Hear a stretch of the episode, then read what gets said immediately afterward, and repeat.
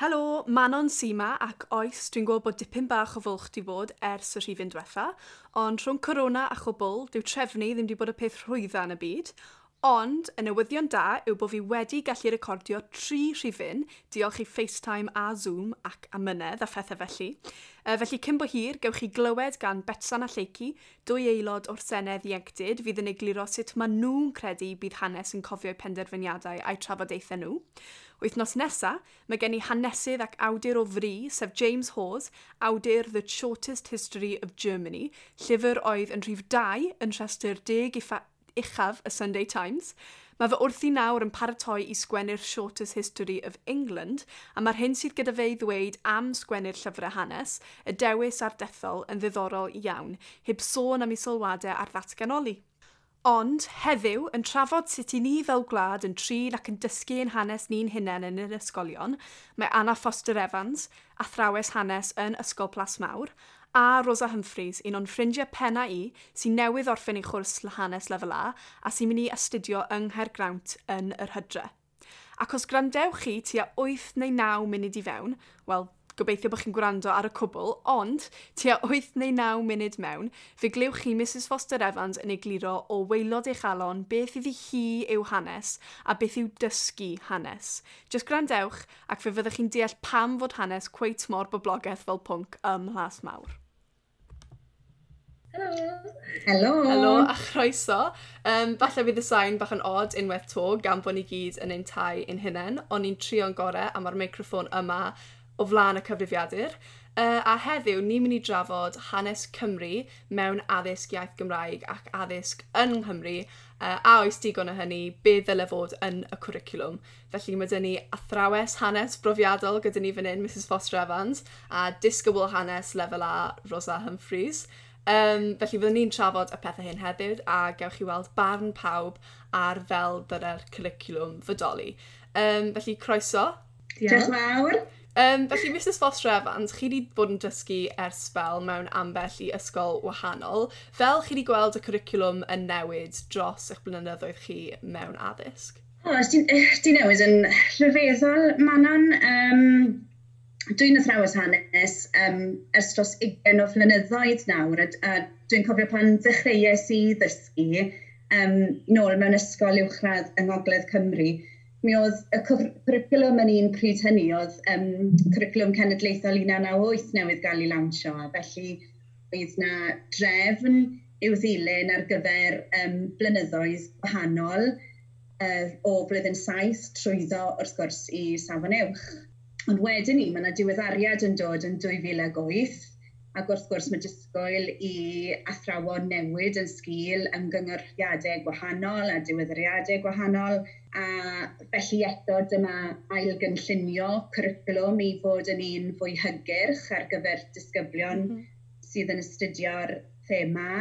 A wedyn ni wrth gwrs erbyn lenni, i ni nawr yn cael cwricwlwm newydd i Gymru, Ac unwaith eto, mae yna uh, e, drefniant newydd, mae yna ddisgwyliadau a heriau newydd wrth gwrs yn dod gyda'r cwricwlwm yma. A mae'r heriau i ni fel athrawon yn gwynebu gyda'r cwricwlwm newydd yn rai amrywiol tu hwnt. Yn sicr, dyma di'r chwildro mwyaf dwi wedi gweld yn maes dysgu um, yn ystod fy nghyfnod i fel athrawes hanes a Dwi'n eitha sicr, dwi wedi gweld ansawdd a safon tygau yn newid dros y blynyddoedd. Um, safon uwch, uwch gyfrannol, safon uwch yn yr un modd, ond yn bendant dyma falle un o'r heriau mwyau ni'n gwynebu fel athrawon um, ar hyn o bryd. Ac wrth gwrs, falle un o'r pethau mwyaf diddorol ydy'r ffaith ar gyfer cyfnod rheddol 3, da ni'n symud nawr o fod mm. yn bynciau penodol unedig i fod yn meysydd dysgu a phrofiad. Yeah. A felly yeah. mae yr her hynny hefyd o sicrhau bod eich pwnc chi'n parhau i fod yr un mor allweddol a phersnasol i ddisgyblion, ond hefyd golygu ein bod ni'n cydweithio gyda ffynciau eraill yn, yn bwysig tu hwnt.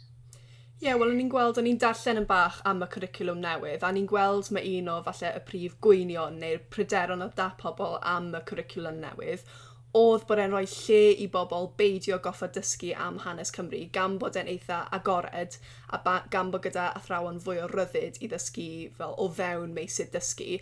Falle bod hwnnw'n bygwth colli hanes Cymru ar elfen honno o'r cwricwlwm? Wel, yn amlwg, fi di astudio hanes nawr ers bod fi ymwneud yn saith achos nes i wneud y tygau yn amlwg a nawr fi newydd gwbla studio hanes lefel A. A fi'n meddwl bod y cwrs hanes lefel A yn dda iawn er mwyn gallu, awel ar hyn o bryd, er mwyn gallu deall y byd o'n cwmpas ni a'r ffordd i raddau, ffordd mae'r byd wedi datblygu i fod heddiw. Er enghraifft, ar gyfer tygau, nes i ddysgu am yr Almain, yr Almain y tuedd, a wedyn nes i ddysgu am hil yn Unol Daleithiau America a polisi tramor.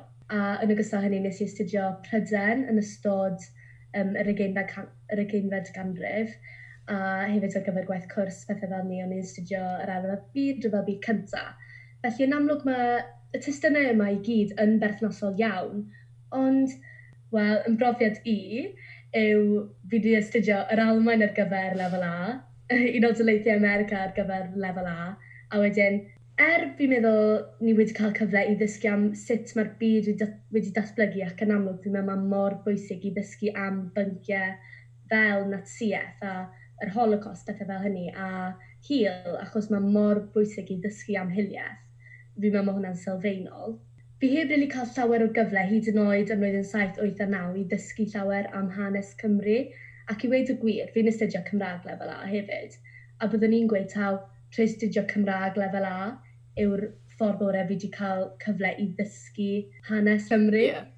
A fi'n meddwl dys fe fod yn rhywbeth sydd yn cael ei ddysgu i bawb, a fi'n meddwl dyna pam mae'r cwricwlwm newydd yn mynd i fod mor bwysig, achos mae fe yn mynd hyd at, fi'n meddwl, 16 oed. Felly, a mae hwnna'n cynnwys really pawb sydd mewn addysg, felly fi'n meddwl dylse y Llywodraeth really a ysgolion ddefnyddio'r cwricwlwm newydd yma yn, yn dda er mwyn gallu, edd, oh, sorry, er mwyn gallu yeah. addysgu, um, dysgu i hanes nhw i hunain, er mwyn gallu really cael gwell i'r o'i hunaniaeth nhw hefyd. Ie, yeah, wel fi, o be fi'n cofio wneud tygau yn eitha diweddar, um, o'n i'n neud pynciau yn gwahanol, o'n i'n neud American, o'n i'n neud trosodd y chosb, pethau fel na. Ond be fi yn cofio, um, oedd Mrs Foster Evans yn dysgu fi, oedd bob tro oedd na bwnc mwy cyffredinol, oedd na ffordd o glymu fe i hanes Cymru a'n hanes ni, felly pam o'n i'n neud grwpiau oedd yn neud chwildro yn erbyn y byd gwaith neu pethau fel yna, o'n i wastad hefyd yn sôn am grwpiau oedd yn gweithio yng Nghymru a phethau fel yna. Felly fi'n fi meddwl bod na le i allu clymu pethau nôl i hanes mwy lleol, ond yn amlwg, os mae fe'n gwricwlwm mwy agored, dos methu sicrhau bod nhw'n neud yr un peth o glymu fe nôl at hanes Cymru, fel oedd Mrs Foster Evans wastad yn neud. Um, Felly, o fy mhrofiad i o astudio hanes, fi'n meddwl falle bod ni bach yn wahanol dros o ran cwricwlwm ysgol, achos mm. mae pethau lefel A ni yn eitha gwahanol. Yna, ni, ni dal yn neud yr Almain, fi'n meddwl bod hanes yr Almain yn eitha sort of standard ar draws y wlad. Um, o'n i hefyd yn neud tyduriad, a nawr gan bod ni'n gweithio ar stwff blwyddyn tair ar ddeg tra bod ni yn hunan ynysu, mae Mrs Foster Owens yn rhoi gwaith ar Vietnam i ni. Um, felly ni, ni yn neud lot o bethau gwahanol, ond eto fi yn cytuno, fi'n meddwl bod na le i hanes Cymru gael i ddysgu, achos fi'n meddwl os nad yn ni'n dysgu fe, dos neb arall yn mynd i wneud, a fi'n meddwl dyna'r prif bwynt, chi fod ni'n dysgu am hanes Lloegr, ni'n dysgu am hanes America, ni'n dysgu am hanes yr Almain, Ond ydyn nhw'n dysgu am yn hanes ni? Na. Um, felly fi'n meddwl bod e'n bwysig iawn iawn bod plant y wlad hon yn dysgu am eu hanes eu hunan. Y ffaith bod gyda nhw'r sail i fel beth oedd y wlad yn edrych fel cam mlynedd yn ôl, pum cam mlynedd yn ôl, ac yn deall be oedd eu pobl nhw a gwlad nhw wedi profi dros yr amser. Um, felly ar hynny, yn hanes Cymru, be chi'n meddwl yw'r pethau mwyaf pwysig dyle pawb o bod amdano nhw neu pawb gael ei dysgu amdano nhw? Dydyn ni, cael dechrau gyda, ti'n mynd, beth yw astudio hanes, ti'n mynd? Mm -hmm. Manon, beth yw, beth yw pwysigrwydd astudio hanes beth bynnag? O'r e, boed bod e'n hanes Cymru, hanes yr Almain, ti'n mynd, cyfnod yr ail hyfryd byd. So, pan i ti'n edrych ar yr astudiaeth yma o hanes, a pan mae haneswyr yn amlwg yn ymdrin ar gorffennol, dwi'n meddwl bod na dri peth allweddol i ni fel myfyrwyr, achos er fy mod i yn athrawes gyda 20 mlynedd o brofiad, dwi dal yn dysgu, a dyma di'r peth cyntaf sydd angen cofio yw, y mwyau ti'n dysgu am y gorffennol, ddech chi'n dod i sylweddoli yn rili really sydyn yw, cyn lleied oeddech chi'n ei wybod yn y lle cyntaf. A wy'n cofio pan ddechreuais i um, ymarfer dysgu, a ddechreuais i ymarfer dysgu yn ysgol, um, yn ysgol ystradau, ac ar y pryd o'n nhw'n dysgu uned yn fanna ar y chwildro Ffrengeg a ges i'n gyflwyno tra ni'n fyfyrwrau athrawes gan hyfforddiant. Ges i'n gyflwyno i lyfr um, gan Alfred Coburn, um, panesydd ar y chwildro Ffrengig o dde, a um, Aspects of the French Revolution, mm -hmm. oedd enw'r llyfr. Ac yn ei rhag arweiniad e, mae e'n dweud bod edrych yn ôl ar y gorffennol fel gosod fflachlamp ar y gorffennol. A Pan ych chi'n symud y fflachlamp mae i gyfeiriadau gwahanol, fe ffeindiwch chi themau newydd, fe ffeindiwch chi ffynonellau newydd, yeah. byddewch chi ar draws syniadau um, bobl argoediedig am eich pwnc chi. Ond unwaith i chi'n gwneud y symud na, unwaith i chi'n symud y fflachlamp na ar y gorffennol, mae yna dehongliadau newydd yn amlygu, ond fe gall hefyd dehongliadau eraill ddiflannu. A dyna di'r peth cyntaf dwi'n meddwl sy'n angen i ni gofio yw mae hanes mae'n gyfres o ffeithiau, tra bod ni fel haneswyr yn edrych ar y gorffennol, mae'r ffeithiau wrth gwrs yna yn amlwg yr hyn sydd wedi digwydd y bobl oedd yn byw.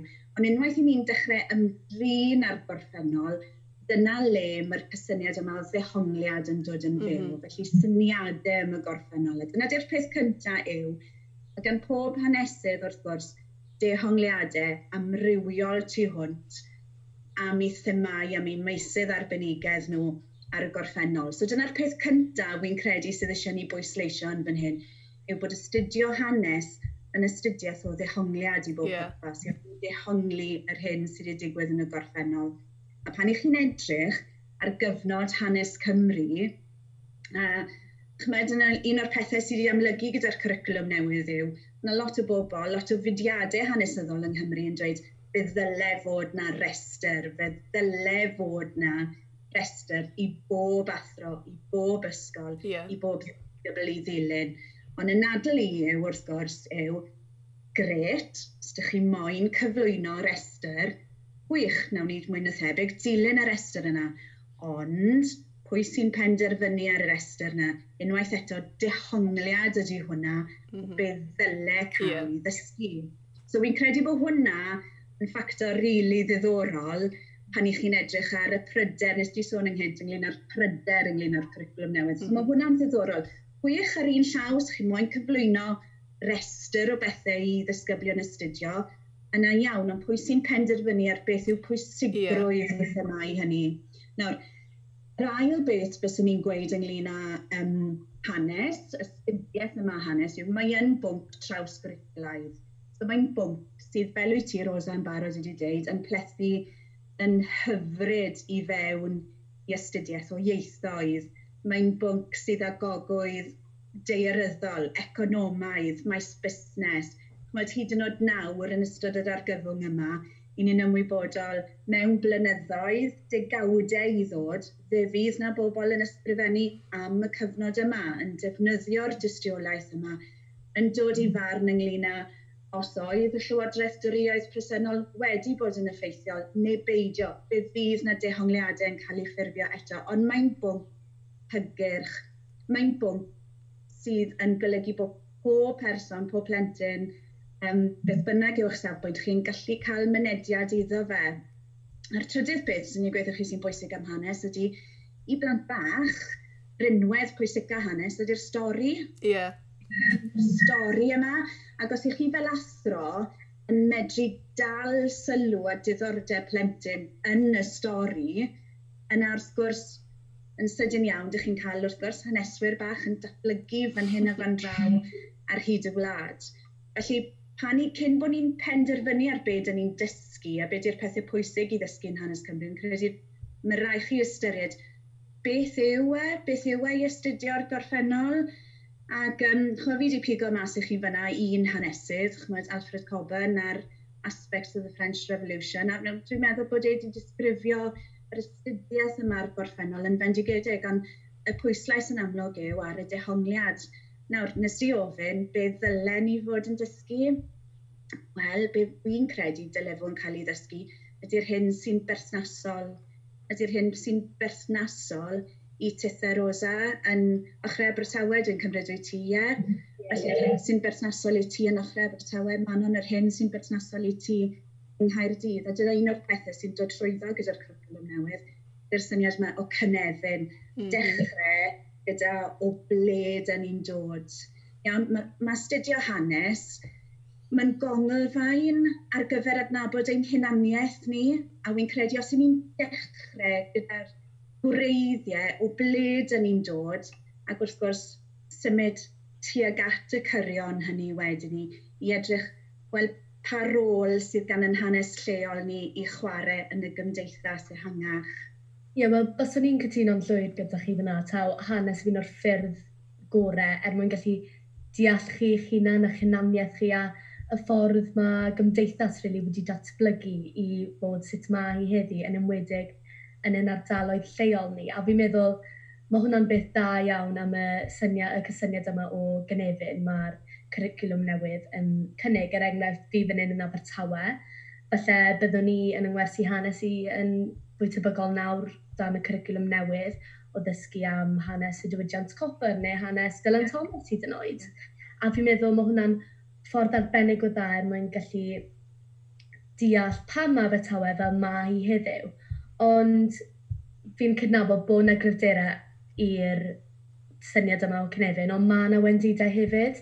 A fi'n meddwl, os fan hyn i fi'n dysgu am hanes Abertawe, dylse hwnna ddim yn rwystro i fel person i ddysgu am gwedwch hanes y diwydiant llech yn mlaen y festiniog. Fi'n meddwl mae hwnna yr un mor bwysig a fi'n meddwl dan y curriculum newydd yma, trwy'r dysgu yma am cynefin, dylse athrawon rili really bwysleisio, dyw hwn ddim yn, yn, ddim yn gwneud yn hanes ni yn bwysicach na yn fwy, um, yeah, yn bwysicach na hanes ardaloedd eraill yng Nghymru. A fi'n meddwl mae hwnna yn rhywbeth, mae fe'n mae fe'n rhywbeth gallai fynd ar hyd y trywydd anghywir, a mae'n rhaid i ni sicrhau bod na rhyw fath o deimlad o undod achos gwlad i ni ar ddiwedd y dydd, a does e y dysgu yma o am cynefinoedd gwahanol yng Nghymru ddim creu raniadau yn y uh, system addysg o ran be mae plant yn cael ei dysgu.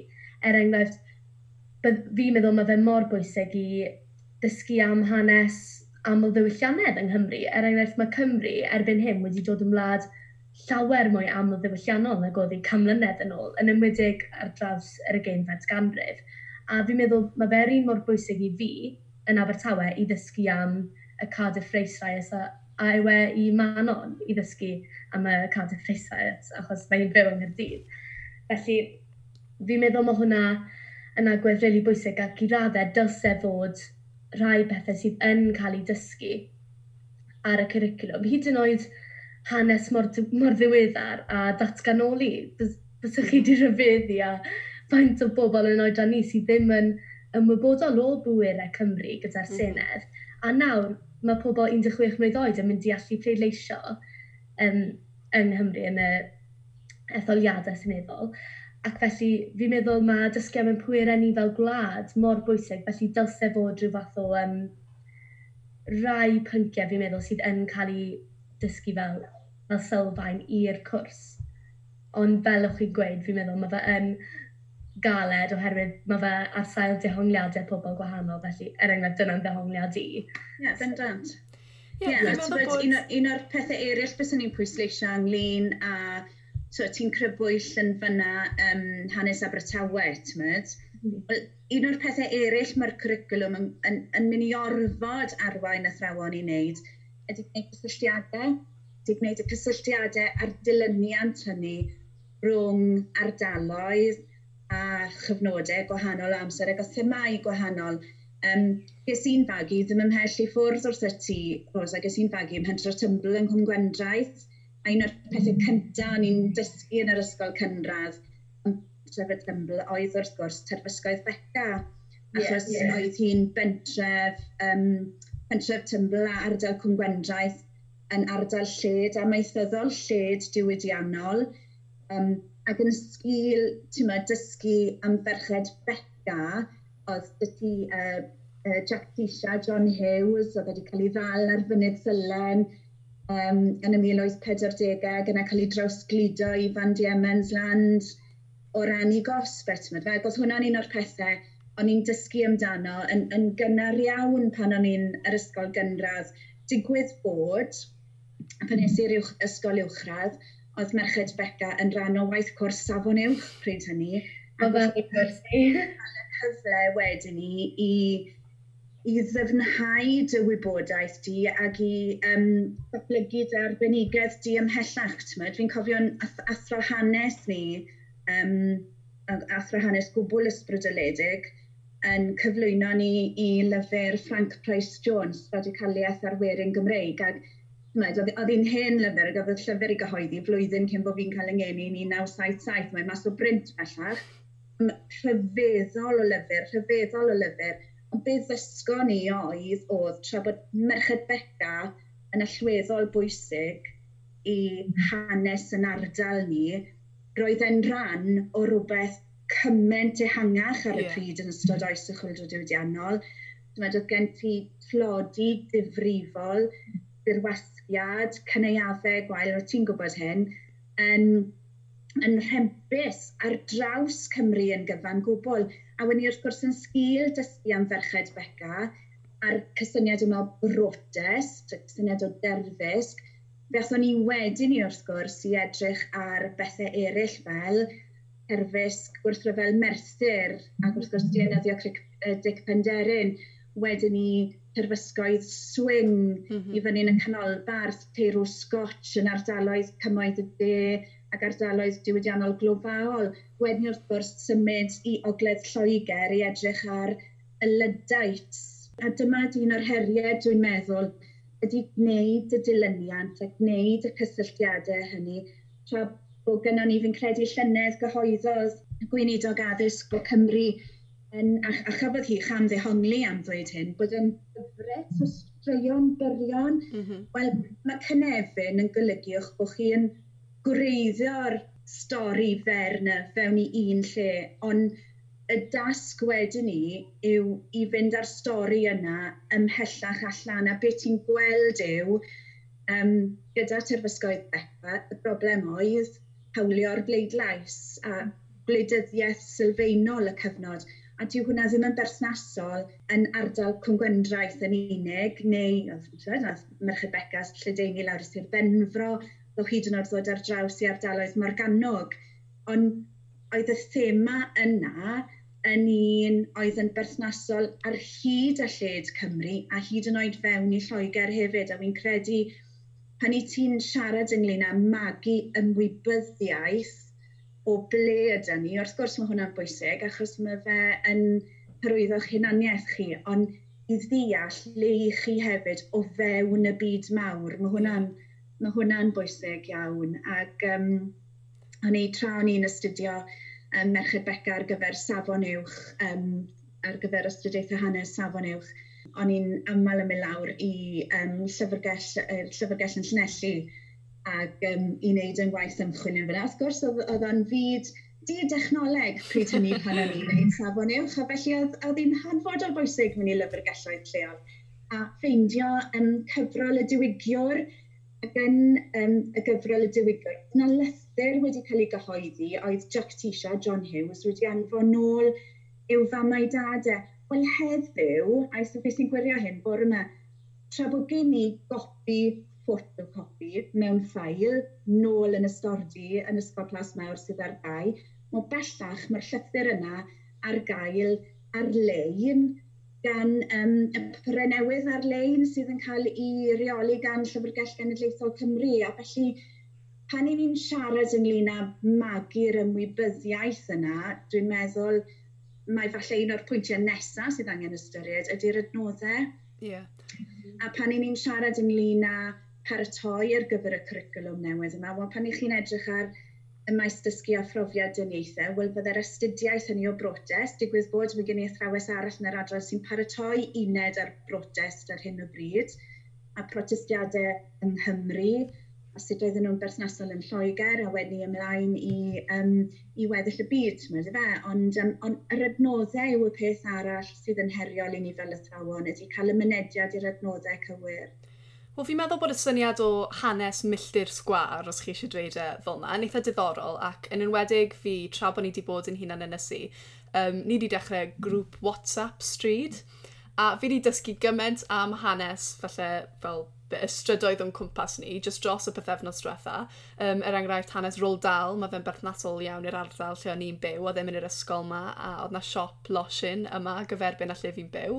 Um, yn yr un modd, um, Churchill, maen nhw'n dweud bod um, ein stryd ni ddim ar hen fapiau, oherwydd maen nhw'n dweud efallai bod Churchill wedi dod i fyw rhywle yn yr ardal um, a bod nhw ddim moyn i bobl wybod lle oedd e. Felly mae gymaint o'r sort of, hen straeon yma, um, a mae darwyn copies o'r hen fapiau, sy'n eitha diddorol i fi, a bod fi wedi dysgu am y pethau hyn, sy'n neud hanes mor berthnasol i mywyd i, a lle fi yn cael fy magu, a mewn ffordd mae hwnna'n neud e gymaint mwy diddorol achos bod fi'n gallu uniaethu efo hwnna a fi'n gallu gweld e ddydd i ddydd yn hytrach bod hanes yn rhywbeth chi wod fel mae pobl yn dweud just hen beth yw e, dwi e ddim yn berthnasol i ni nawr bod chi'n gallu bywiogi hanes drwy wneud e'n berthnasol i fywyd personol. Um, fi'n meddwl, o'ch chi'n sôn hefyd am y syniad mae hanes yw'r ffordd gorau o edrych ar eich hunaniaeth eich hunan a'ch bywyd chi'n byw nawr. Um, fi'n meddwl bod yna ddadl arall sy'n dweud mae hanes yw'r ffordd orau o ragweld y, y dyfodol a i ddeall y presennol. Um, felly mae hwnna'n rhywbeth arall ni wedi trafod ar y podlediad o'r blaen, a fi'n meddwl bod fi'n gweld lot o synwyr yn y syniad yna bod hanes yn ailadrodd ei hunan i raddau, neu os nag yw e yn ailadrodd ei hunan, mae yna reswm am hynny bod ni wedi gallu edrych ar beth sydd wedi digwydd yn y gorffennol, lle athyn ni'n anghywir y tro diwetha, a sut allan ni wella hwnna. Um, felly fi'n meddwl bod hwnna'n rhywbeth arall bys ni, fel mewn cwricwlwm newydd, yn licio gweld, sef y cysyniad bod na bethau i'w dysgu o hanes a nid edrych yn ôl ar y gorffennol a bod hynny'n sort of, chiod, hen, fel old news, fel sy'n ni'n dweud, a bod chiod, bod e ddim yn berthnasol rhagor, ond drwy astudio hanes, a drwy astudio hanes eich gwlad eich hunan neu ar sgil chiod fi deiang, dyna'r ffordd gorau i ni ddeall ein bywydau ni yn hynny nawr. Felly, o'n i'n mynd i weir, petai fi'n ateb y cwestiwn o ran beth sy'n ni moyn ar y cwricwlwm, fi'n meddwl rhywbeth sy'n bwysig iawn i bobl ifanc Cymru ar hyn o bryd ac i ni fel cenedl ar hyn o bryd yw perthynas o wlad efo Lloegr. Um, mm. Fel mhm. o ti'n sôn, Rosa, efo'r datganoli, mae hwnna'n rhywbeth lot o bobl jyst ddim yn deall, um, a mae hwnna'n rhywbeth gwleidyddol hefyd, ond hefyd yr hanes rhwng y ddwy wlad. Um, felly, well, os chi'n gallu sôn am um, Tryweryn, gallwch chi sôn am lot o bethau gwahanol, clasurol ni'n ystyried i fod rhwng hanes Cymru a Lloegr. Beth sydd angen bod yn ofalus yn fyna gyda, ti'n gweld, Manon, ydy'r ffaith yn hanesyddol, da ni wastod wedi bod yn glwm gyda Lloegr mm. yn do, pan, pan, pan ti'n edrych ar gorchbygiadau ddigwyddodd nôl yn ystod um, oes y tywysogion, a wedyn un o'r pethau un o'r pethau um, dwi wedi bod yn darllen yn ddiweddar ydy'r ffaith bod yna ormod o ddysgu hanes Lloegr um, yn anwchel a, a gas gen i ddweud hyn, ond oherwydd y berthynas mm. yn ddeiryddol ac yn wleidyddol sydd wedi bod rhwng y ddwy wlad, mae'r cyswllt yn un, um, mae'r cyswllt yn un sydd yn mynd i fod yn amlwg mewn gwersi hanes, ond be fysyn ni'n pwysleisio yw, mae yna gyfnodau ragorol yn hanes Cymru sydd yn hmm. dangos um, dygnwch pobl yn y wlad sydd yn dangos um, datblygiadau gwleidyddol, economaidd, diwylliannol, a beth sydd angen bod yn ofalus yw cael y cydbwysedd hynny'n yeah. gywir pan yeah. chi'n dod i gynllunio'r cwricwlwm. Pan mae Rosa'n dweud taw prin iawn o hanes Cymru a fod hi ym mlynedd 7 a 9. Wy'n gwaredu pan wy'n clywed hynny achos fi'n ymwybodol mae un o'r pethau pwysica i wneud ydy ymwreiddio'r hanes lleol yna, ond hefyd hanes cenedlaethol, a dangos beth yw rôl ni fel Cymru mewn cysylltiadau gyda gwledydd eraill. Felly, um, yeah, chymys ar hyn o bryd, i ni'n edrych ar Cymru yn yr oesoedd canol, Cymru oes y tywysogion ar gyfer blwyddyn saith, ym mlwyddyn wyth rôl y Cymru um, yn ystod conquest Harry Tudur a wedyn wrth gwrs sut nath y Cymru, boneddigion yng Nghymru, gosod i pwerau nhw oedd i fewn i'r wlad er mwyn bod yn ddylanwadol ar Loegr. Wrth gwrs, yeah. mwyn chi'r deddau yno yn dod fewn i grym yn fyna. Roedd y naw yn, yn cael ei dysgu am rôl y Cymru yn y ryfel mawr. Felly, i fi, mae e'n tra bod fi ddim eisiau rhestr o bethau i ddilyn, achos mae'n ymwybodol o bethau hynod o ddiddorol. Ac wrth gwrs, mae, mae, mae angen ystyried glyndŵr a'r tywysogion. Mae angen ystyried datganoli'n hwyrach. Ac wrth gwrs, pan ych chi'n edrych ar gyfnod glyndŵr, mae ddylanwad o'n parhau fewn i wleidyddiaeth heddiw. Felly mae'n mae bwysig pan mae'n dod, pan mae'n dod i gynllunio, yw bod gennych chi'r adnoddau cywir, yr hyn yn amlwg sydd yn mynd i ddal sylw ag ysbrydoli disgyblion, ond hefyd sicrhau bod, bod y ffocws na ar Gymru yn un clir iawn mhm. iawn. A dyw i ddim wastad wedi bod yn hanes o orchfygiaeth, ond bod na gyfnodau rygorol lle mae Cymru yn amlwg wedi arwain y blaen. A, a felly, um, a felly dwi'n meddwl pan i ni'n siarad am edrych ar y presennol. Wrth gwrs, mae'n bwysig bod ni'n edrych ar y presennol, sut i ni wedi cyrraedd y presennol. Um, Mae'r rhagweld y dyfodol chydig bach yn fwy heriol mm. yn anffodus. Fi'n mm. meddwl bod yna ddadl i ddweud falle, os ni'n ffocysu yng nghwricwlwm Cymru a'r gyfnodau mwy buddiol, mwy unigol o hanes Cymru, efallai o fewn cyd-destun edrych ar hanes drwy lyged disgyblion o Loegr neu o ardaloedd arall o Brydain, bod edrych ar y cyfnodau fel o'n i'n sôn Tryweryn yn Aberfan. Um, fel, ddeth chi wylio'r crawn yn ddiweddar. Um, chi ddim wedi gweld e, ond mae'n okay, ma, ma Rosa wedi gweld e. Mae'n ddau, ie, yeah, fi'n gwybod, fi ddim fel arfer yn gwylio, ond oedd yna ddau, un ar Tryweryn ac un ar Aberfan, ac er falle na ddyle hanes gael i ddysgu drwy chyfod, cyfres Netflix, um, ges i sawl ffrind o Iwerddon ac o Loegr yn textio fi yn dweud, o'n i byth yn gwybod am Tryweryn, o'n i byth di clywed am mm-hmm. Aberfan, a bod nhw wedi sylweddoli pa mor gryf yw'r cysylltiad rhwng hanes Cymru a hanes Lloegr a di deall yn fwy y berthynas rhwng y ddwy wlad.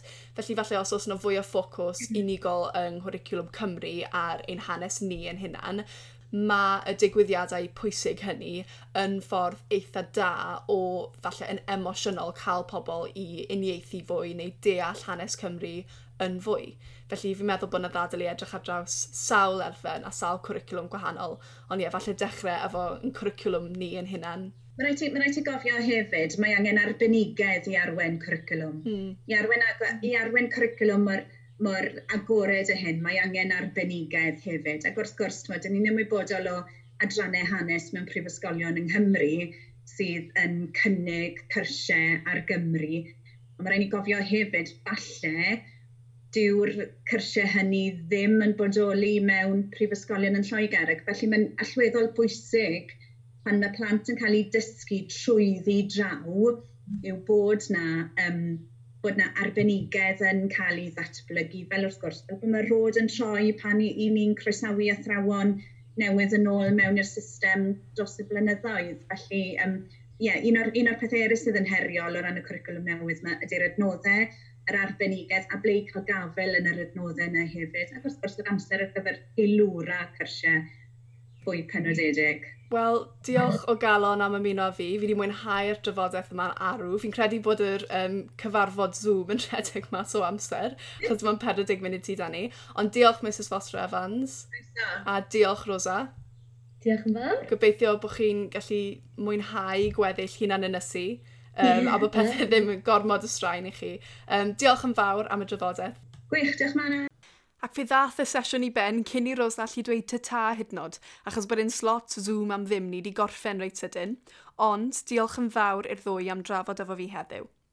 Wythnos nesa mae'r sgwrs gyda James Hawes, sy'n enwog yn barod fel awdur The Shortest History of Germany, ac mae'r hyn sy'n gyda fe i ddweud am yr Almain am gwmpasu hanes cenedl a diwylliant yn ddiddorol iawn – Ond hefyd, gan ei fod e wrthi'n ymchwilio i lyfr newydd, The Shortest History of England, mae'r hyn sydd gyda fe i ddweud am ddatganoli yr un mor ddiddorol.